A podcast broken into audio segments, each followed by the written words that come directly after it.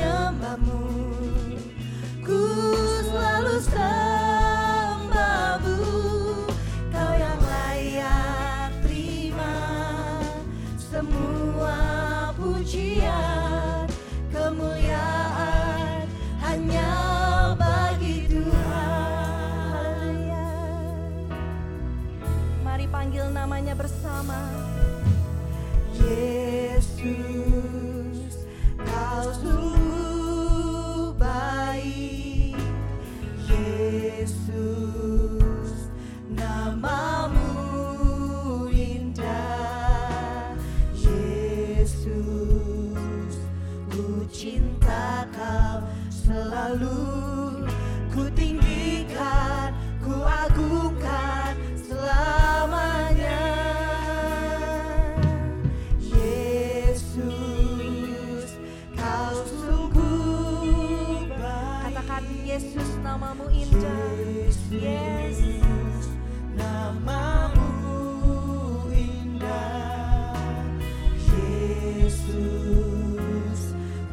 chiến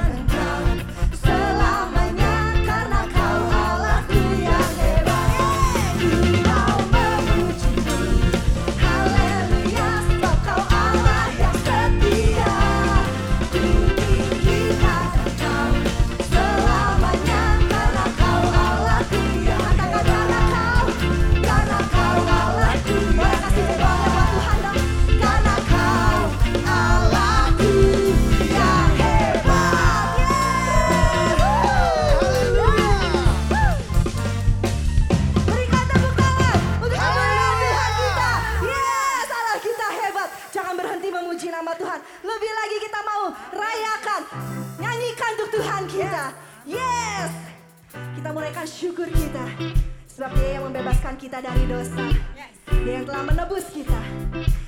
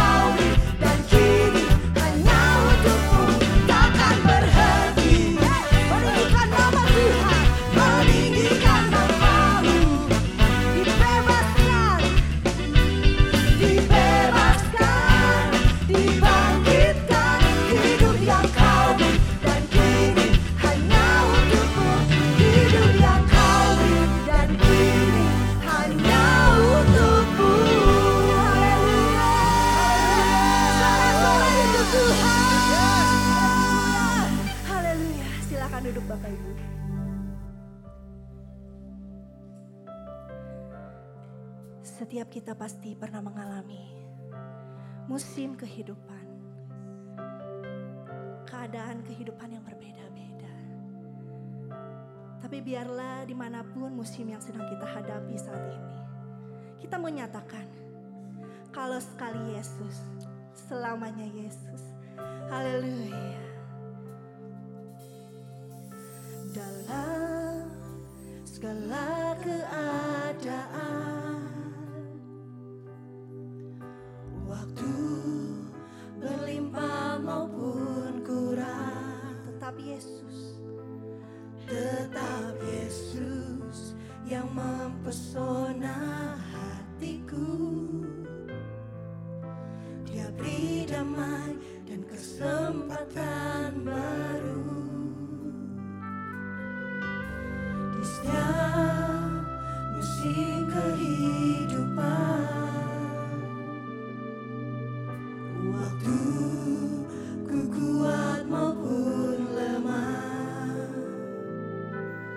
Tetap Yesus yang mempesona hatiku. Dia beri hidup dan kesempatan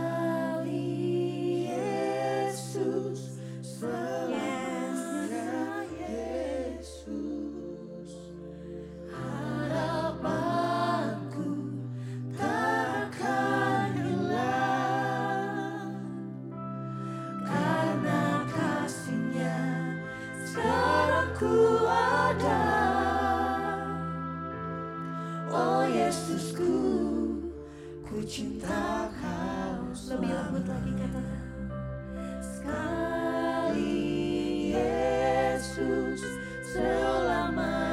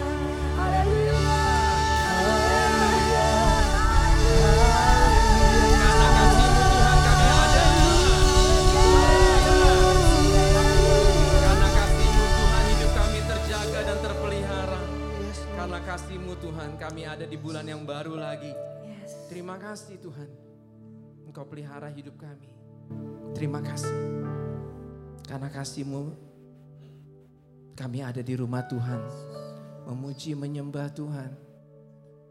Biar setiap pengagungan kami ini menyenangkan hatimu dan memuaskan kau Tuhan. Terima kasih buat kehadiran Tuhan ada di tengah-tengah kami. Berfirmanlah untuk kami. Karena kami sangat memerlukan firman Tuhan menerangi setiap langkah hidup kami. Roh Kudus ambil alih pemberitaan firman ini. Urapi hambamu yang menyampaikannya. Karena hamba sangat memerlukan engkau. Urapi kami semua yang ada di tempat ini yang menyimak kebenaran firman. Supaya kami bisa menyimak dengan baik. Mengertinya dengan jelas. Dan melakukannya dengan tepat. Berfirmanlah kami buka hati kami lebar-lebar. Untuk menampung sebanyak-banyaknya kebenaran firman Tuhan untuk kami kerjakan di hidup kami. Di dalam nama Tuhan Yesus Kristus kami akan masuk dalam perjamuan Tuhan. Roh Kudus, kau ada di sini. Berkati setiap roti dan anggur yang sudah tersedia ini. Jadi persekutuan yang indah dengan tubuh Kristus dan darah Kristus. Kami melakukannya seperti kata firman Tuhan mengingat akan semua kebaikan Tuhan yang sudah menebus hidup kami. Terima kasih Tuhan, terpujilah namamu. Dalam nama Yesus Tuhan kami akan masuk dalam perjamuan pagi ini. Amin. Semuanya sudah dapat anggurnya? Bisa buka? Kita akan masuk dalam perjamuan Tuhan. Demikian kata firman Tuhan. Sebab apa yang telah aku teruskan kepadamu telah aku terima dari Tuhan. Yaitu bahwa Tuhan Yesus pada malam waktu ia diserahkan mengambil roti. Kita angkat rotinya. Dan sesudah itu ia mengucap syukur atasnya, ia memecah-mecahkannya dan berkata, inilah tubuhku yang diserahkan bagi kamu, perbuatlah ini menjadi peringatan akan aku. Saudaraku yang kekasih, bukankah roti kita pegang ini adalah persekutuan kita dengan tubuh Kristus? Amin, mari kita makan dalam nama Tuhan Yesus.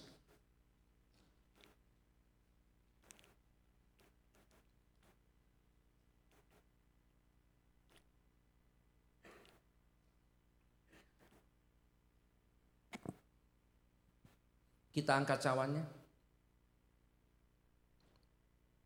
Demikian juga ia mengambil cawan sesudah makan.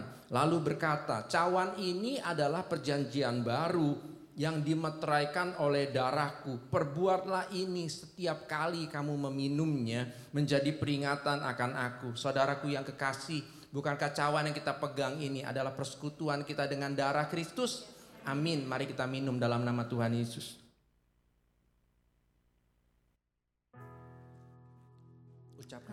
Kasih Tuhan Yesus. Terima kasih. Terima kasih Tuhan Terima Yesus. kasih Yesus. Terima kasih Bapak. Terima kasih Haleluya. Haleluya. Terima kasih buat Terima kasih. Ku mau terus bersyukur.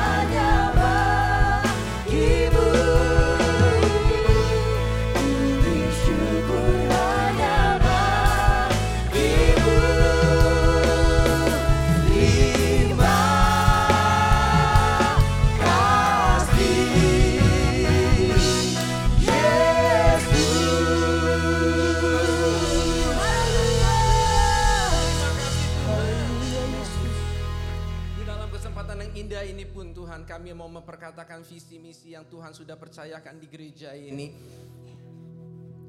Karena firman Tuhan mengatakan apa yang kami perkatakan di hadapanmu, Tuhan akan mengerjakannya di dalam hidup kami.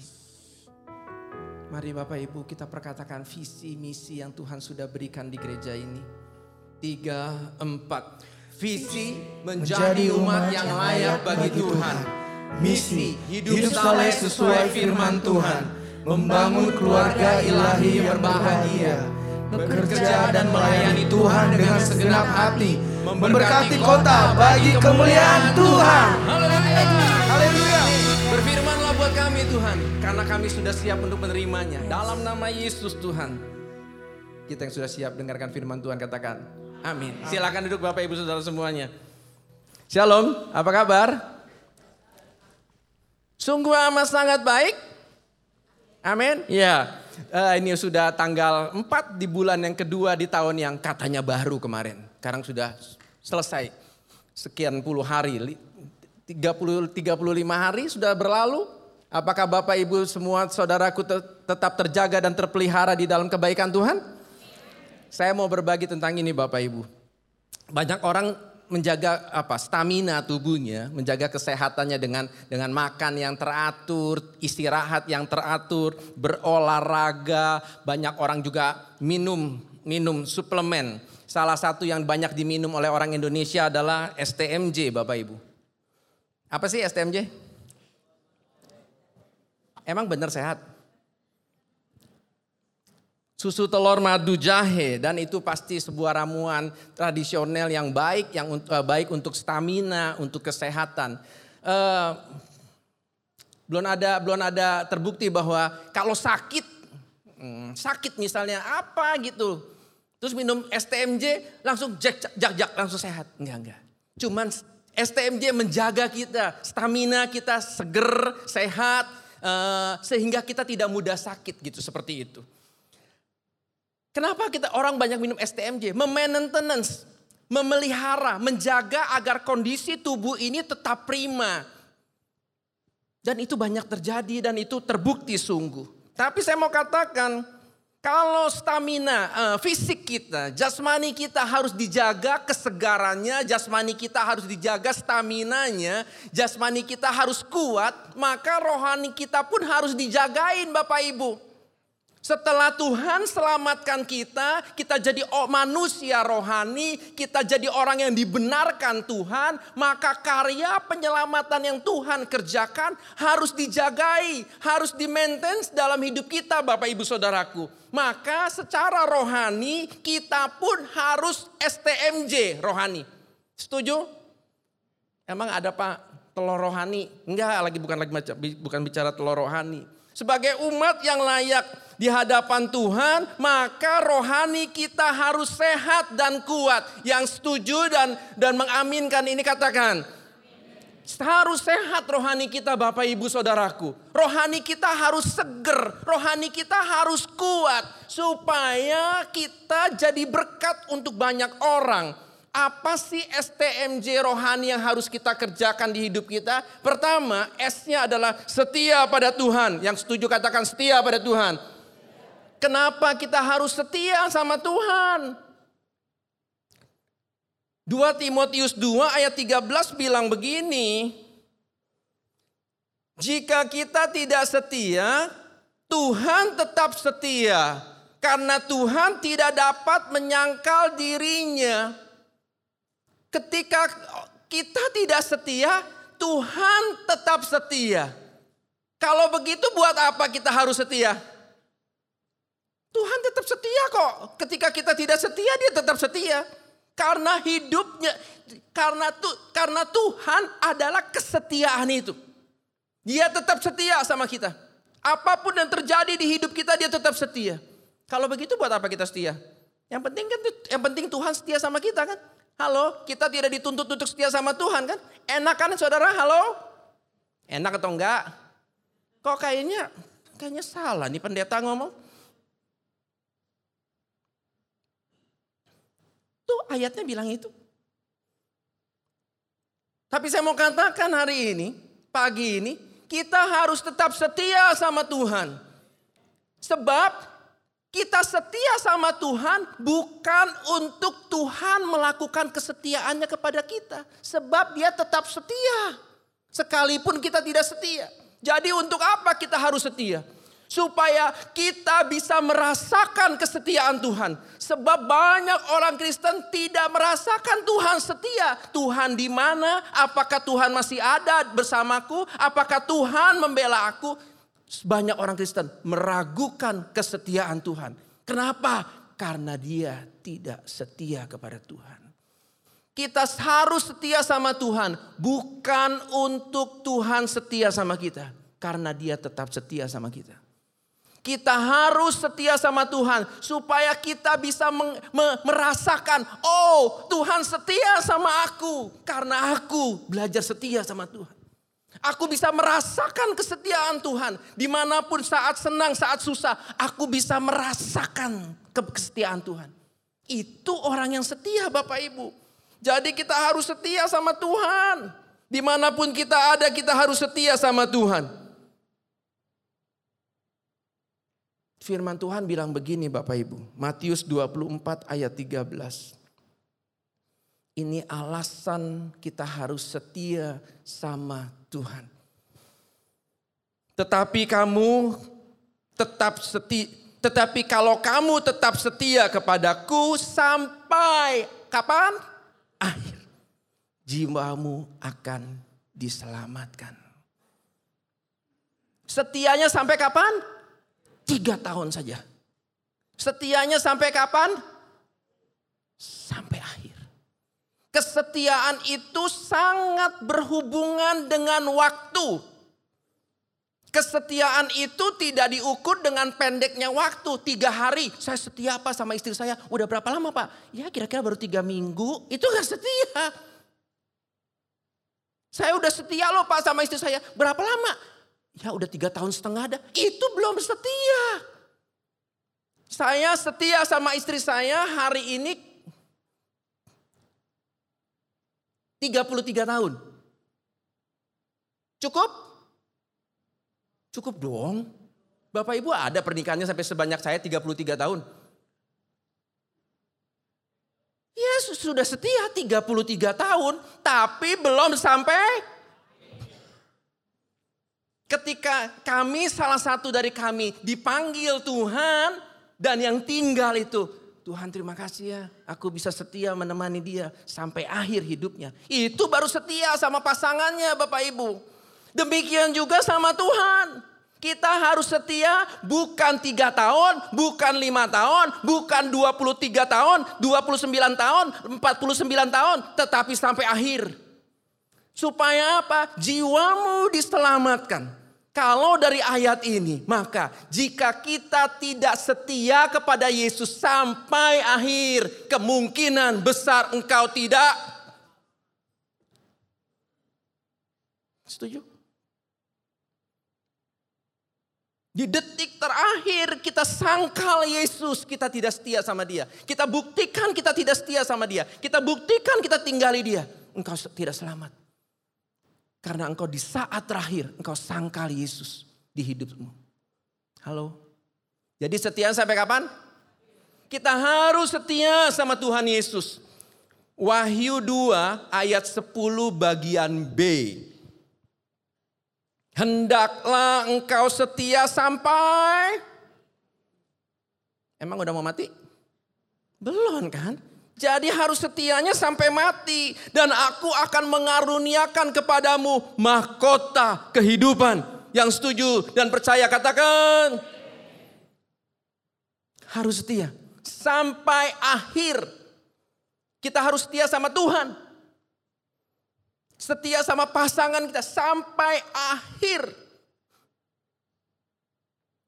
Kalau kita tidak setia sama pasangan kita sampai akhir, orang melihat hidup kita dan dia katakan, dia setia loh. Setahu saya dia setia sekian puluh tahun. Tapi di ujung hidupnya dia tinggalkan pasangannya. Berarti nggak setia sampai akhir.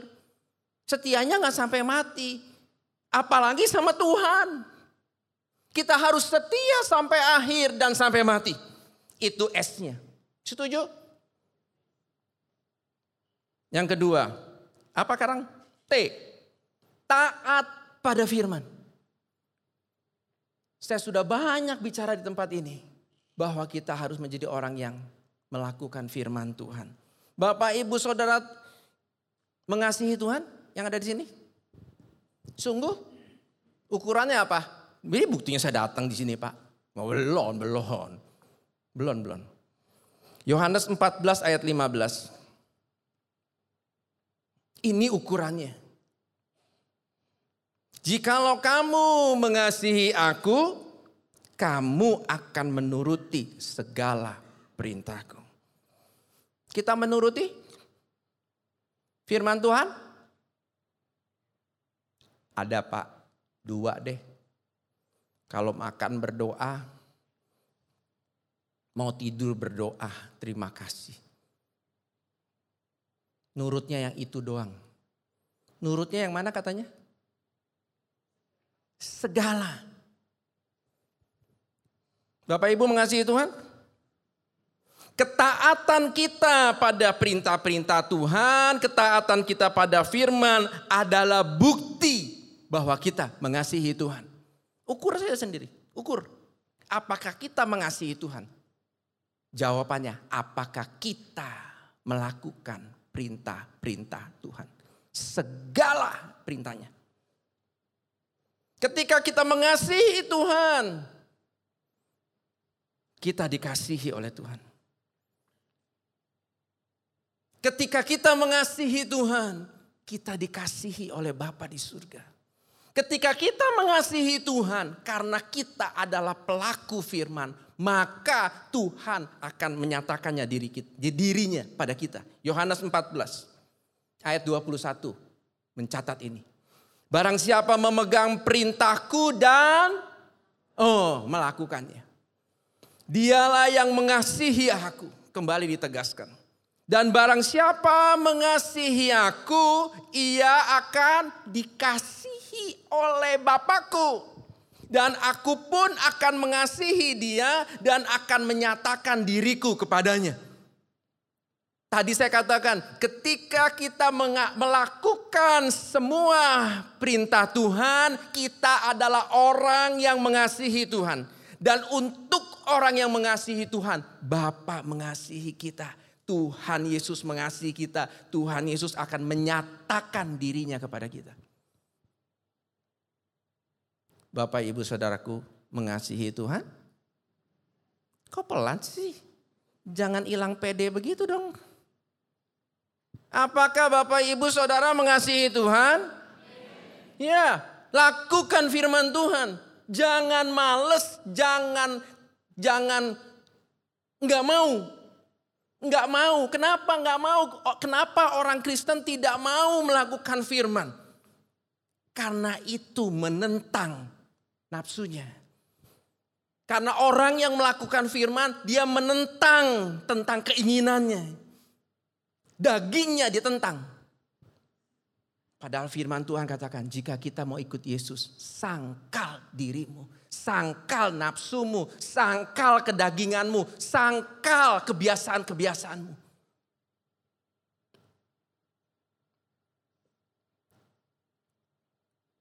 S sudah, T sudah, M. Ku beri yang terbaik bagimu. Ku relakan segalanya yang terbaik bagimu. Segenap hatiku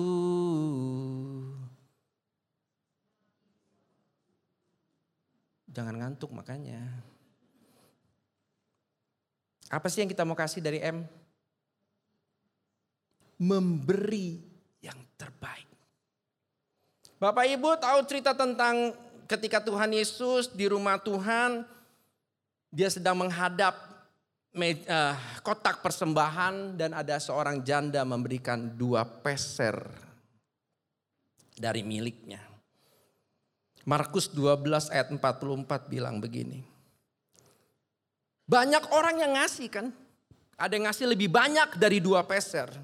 Sebab mereka semua memberi dari kelimpahannya. Orang lain semua memberi dari kelimpahannya. Tetapi janda ini memberi dari kekurangannya. Semua yang ada padanya yaitu seluruh nafkahnya. Dua peser, satu duit. Itu berapa sih besarnya? Upah, kita cari kesepakatan dulu. Upah kerja di kota Bandung sehari itu berapa? Regu A. Nggak tahu pak, saya bos. Berapa? 100 ribu. 100 ribu kalau dibagi 126. Itu nggak sampai seribu rupiah kalau nggak salah. Cepat kalkulatornya dibuka.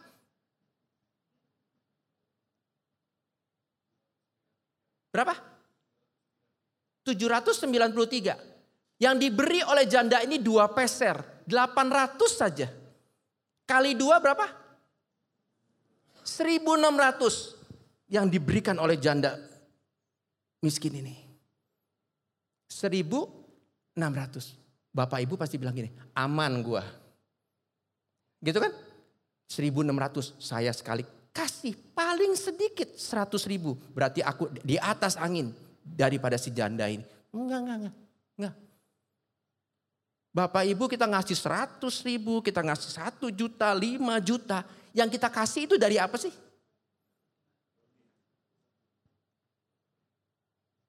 Janda ini dia kasih 1.600 rupiah. Itu nafkahnya dia.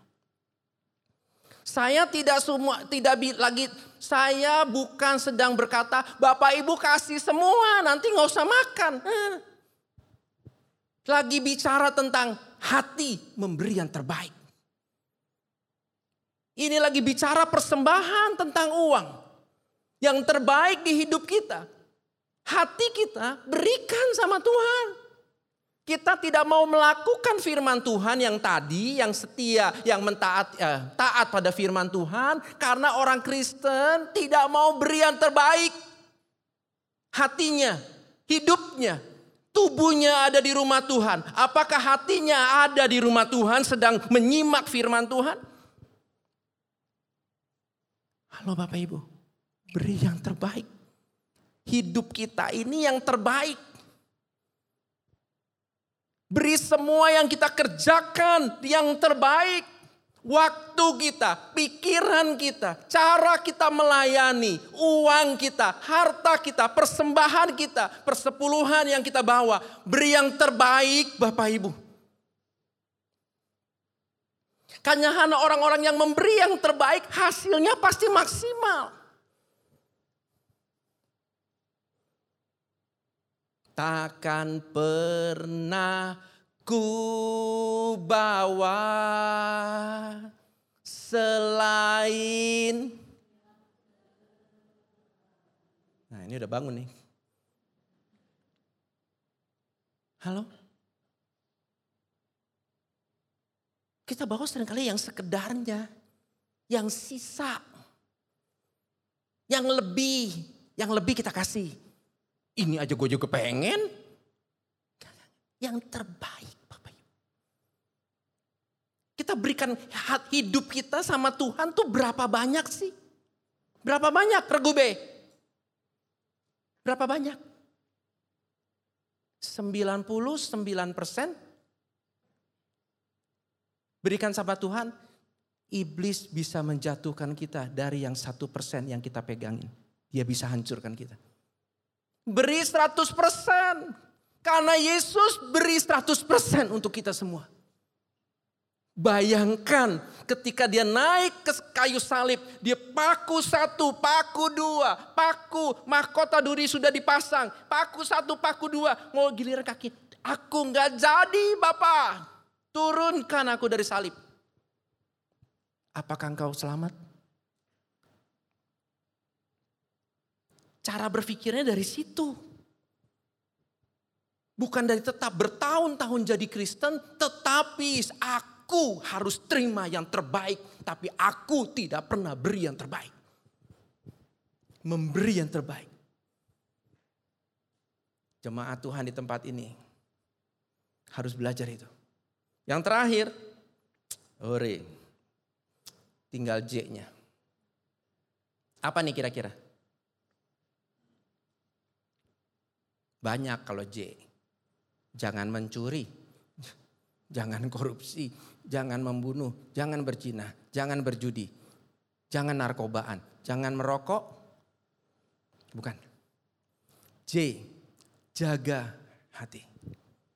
Kita mungkin jago dalam memuji, menyembah, hafal firman, lakukan lakukan banyak hal baik dan banyak hal benar. Tapi jika kita tidak menjaga hati kita, iblis akan jatuhi kita di sana. Apakah Bapak Ibu orang-orang yang setia jaga hati? Kenapa kita harus jagai hati kita? Karena Tuhan melihat hati, kata firman Tuhan. Kenapa kita harus jagai hati kita? Karena hati kita menentukan jalan hidup kita. Kenapa kita harus jagai hati kita? Karena dari hati terpancar kehidupan. Itu kata firman Tuhan. Oleh sebab itu hati ini harus dijagai. Banyak orang Kristen hari ini terjerat bukan pada penyembahan berbahala, enggak ya.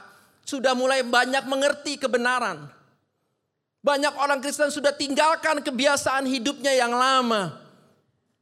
Sudah banyak orang Kristen tinggalkan keinginan-keinginan lamanya. Banyak. Tapi banyak orang Kristen hari-hari ini jatuh di dalam kekecewaan demi kekecewaan. Setuju gak sih? Kelas berat cara kecewanya. Kecewa sama gereja. Kecewa sama hamba Tuhan. Kecewa sama pasangannya. Kecewa sama papa mamanya. Kecewa sama anaknya dia ditinggalkan sendirian di rumah. Kecewa sama bosnya. Kecewa sama karyawannya kecewa sama banyak orang yang ada di jalan itu. Yang cara bawa kendaraannya seenaknya sendiri, kecewa sama tetangganya, kecewa sama kucing tetangga. Berapa banyak orang Kristen seperti itu? Dia tidak sadar kekecewaan itu akan merusak hatinya. Kepahitan, hambar sama gereja. Gimana Bapak Ibu? Kecewa dengan banyak hal karena apa yang mereka inginkan yang terjadi tidak seperti yang dia inginkan. Dia kecewa dengan hidup ini. Ada di sini? Ada di sini? Satu kata untuk orang yang ada itu. Apa? Bertobatlah. Kecewa, kecewa, dan kecewa tanpa punya keinginan untuk bangkit bebas dari kekecewaan. Firman Tuhan didengar tetapi tidak berusaha untuk menyimak firman Tuhan. Karena firman Tuhan membersihkan hidup kita kata, kata ayat yang lain. Tuhan aku mau tinggalkan kekecewaan. Aku mau tinggalkan kesombongan. Kekecewaan sama dengan kesombongan. Enggak disadari. Aku sudah ke gereja, aku sudah rajin, aku sudah setia jadi jemaat di tempat ini. Tapi aku kecewa.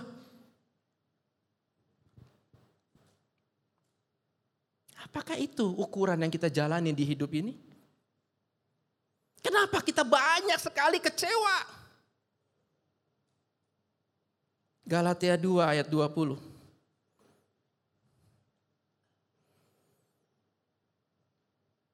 Namun aku hidup. Bapak Ibu hidup? Tetapi bukan lagi aku sendiri yang hidup.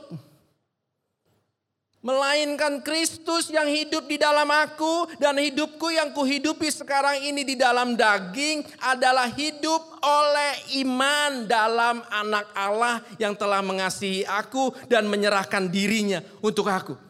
Kenapa kita banyak kecewa?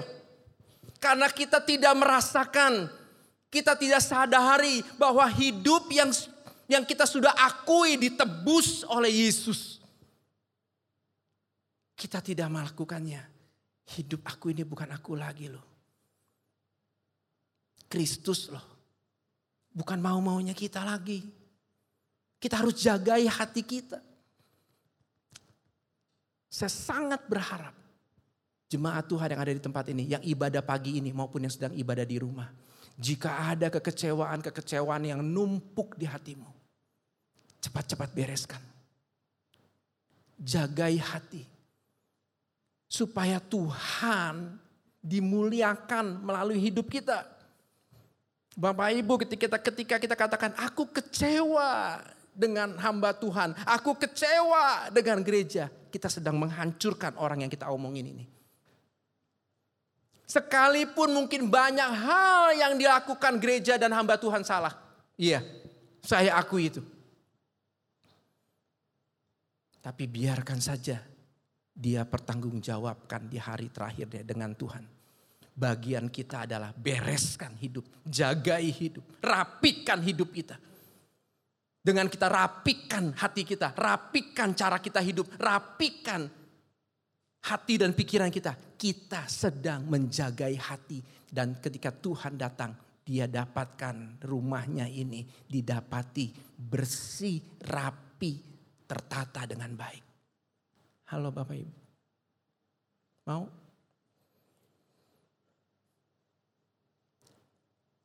Susu telur madu jahe kemungkinan besar tidak menyembuhkan sesuatu penyakit, tapi menjaga stamina tadi saya katakan. Setia kepada Tuhan, taat firman, memberi yang terbaik dan jaga hai hatimu, itu menjaga rohanimu sehat. Tapi kalau Bapak Ibu sekarang ini sedang merasakan rohani, aku Kristen, aku rasa baik-baik saja. Tapi sebenarnya ada sesuatu yang yang kita rasa ada sesuatu yang kurang sekian lama ini. Kalau kita lagi rasa nggak sehat, kita ke mana Bapak Ibu? Ke dokter.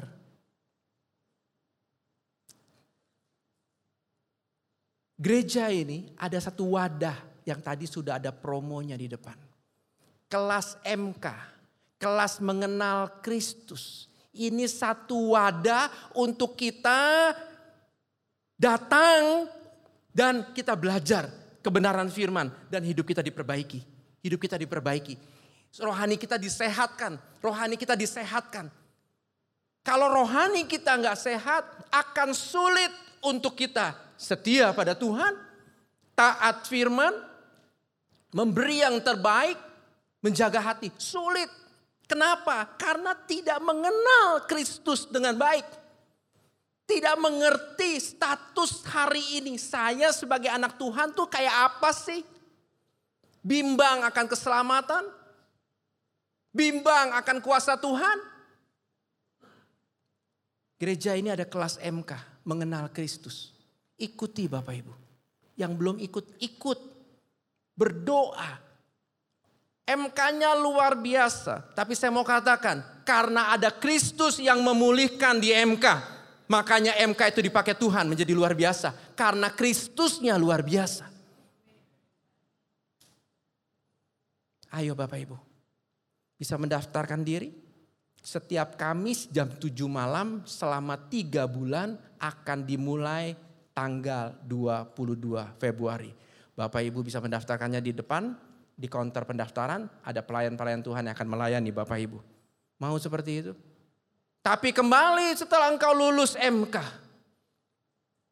engkau harus jadi orang yang menjaga rohani ini tetap sehat, tetap bugar, tetap kuat dengan cara setia kepada Tuhan, taat firman, memberi yang terbaik dan jagai hatimu. Semua ini empat hal ini kita kerjakan sampai akhir. Tuhan Yesus berkati, mari kita tunduk kepala. Tuhan terima kasih untuk saat ini. Firmanmu yang sudah tersampaikan biar menjadi berkat untuk umatmu yang ibadah di rumah maupun yang ibadah pada ibadah pertama saat ini. Biar semuanya menjaga kebugaran rohaninya Tuhan. Engkau sudah selamatkan kami, Engkau sudah jadikan kami manusia rohani yang dibenarkan oleh penebusan darah Yesus.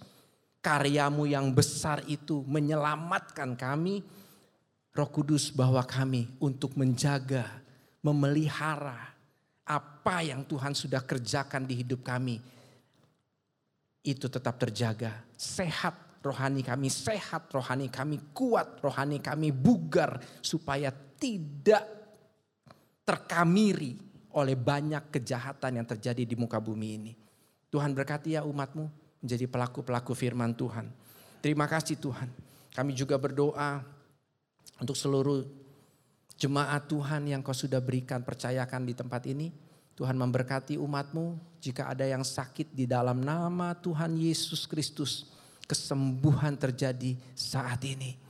Tuhan menolong yang membutuhkan pekerjaan, diberi pekerjaan yang baik dan benar. Tuhan tolong yang buka usaha, yang sedang usaha diberi hikmat, diberi marifat di dalam bekerja dan usaha.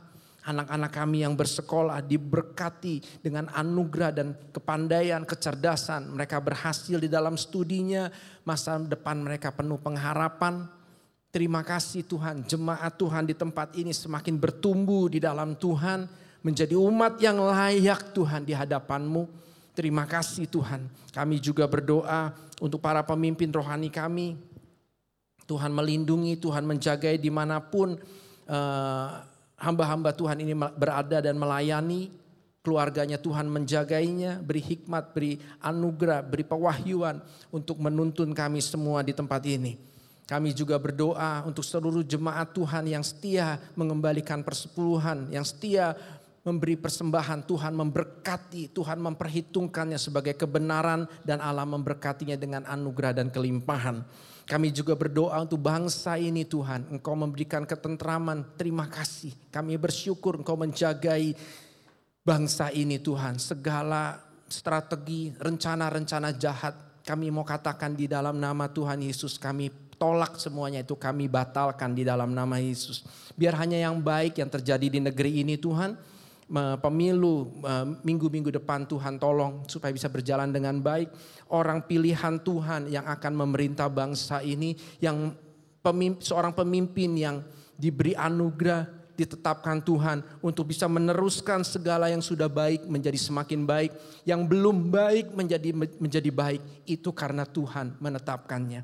Tuhan terima kasih, terima kasih untuk keamanan yang ada, terima kasih untuk pemeliharaan Tuhan atas bangsa ini, berkati bangsa ini Tuhan dalam dalam hasil bumi, hasil laut untuk digunakan bagi kesejahteraan rakyat yang ada dan untuk kedamaian yang ada Tuhan. Terima kasih kami berdoa untuk Presiden Pak Jokowi yang saat ini me, me, masih menjabat, juga Pak Maruf Amin dan seluruh jajaran pemerintahan yang ada biar bisa menyelesaikan masa jabatannya dengan baik, tetap bertanggung jawab, diberi anugerah, diberikan hikmat, marifat dan wibawa Allah atas Presiden kami untuk bisa mengatur segala sesuatunya. Terima kasih Tuhan, terpujilah namamu, pada akhirnya Indonesia akan diselamatkan di dalam nama Tuhan Yesus. Terpujilah engkau Tuhan. Terima kasih kasih. Bapak, sebentar kami akan berpisah, kami akan pulang. Saya undang kita semua bangkit berdiri. Bapak ibu saudaraku yang, di, yang kekasih, terimalah damai sejahtera, sukacita. Pastikan hidup kita ada di pihaknya Tuhan. Pastikan hidup kita berbahagia di dalam Tuhan. Semua berkat rohani, semua berkat jasmani. Tercurah berlimpah-limpah dari Allah Bapa di surga. Cinta kasih yang sempurna dari Tuhan kita Yesus Kristus menyelamatkan hidup kita. Dan penyertaan dari roh kudus menyertai kita. Mulai saat ini sampai selama-lamanya. Di dalam nama Tuhan Yesus Kristus kita yang sudah terima berkat Tuhan katakan amin. Selamat pagi, selamat uh, hari Minggu.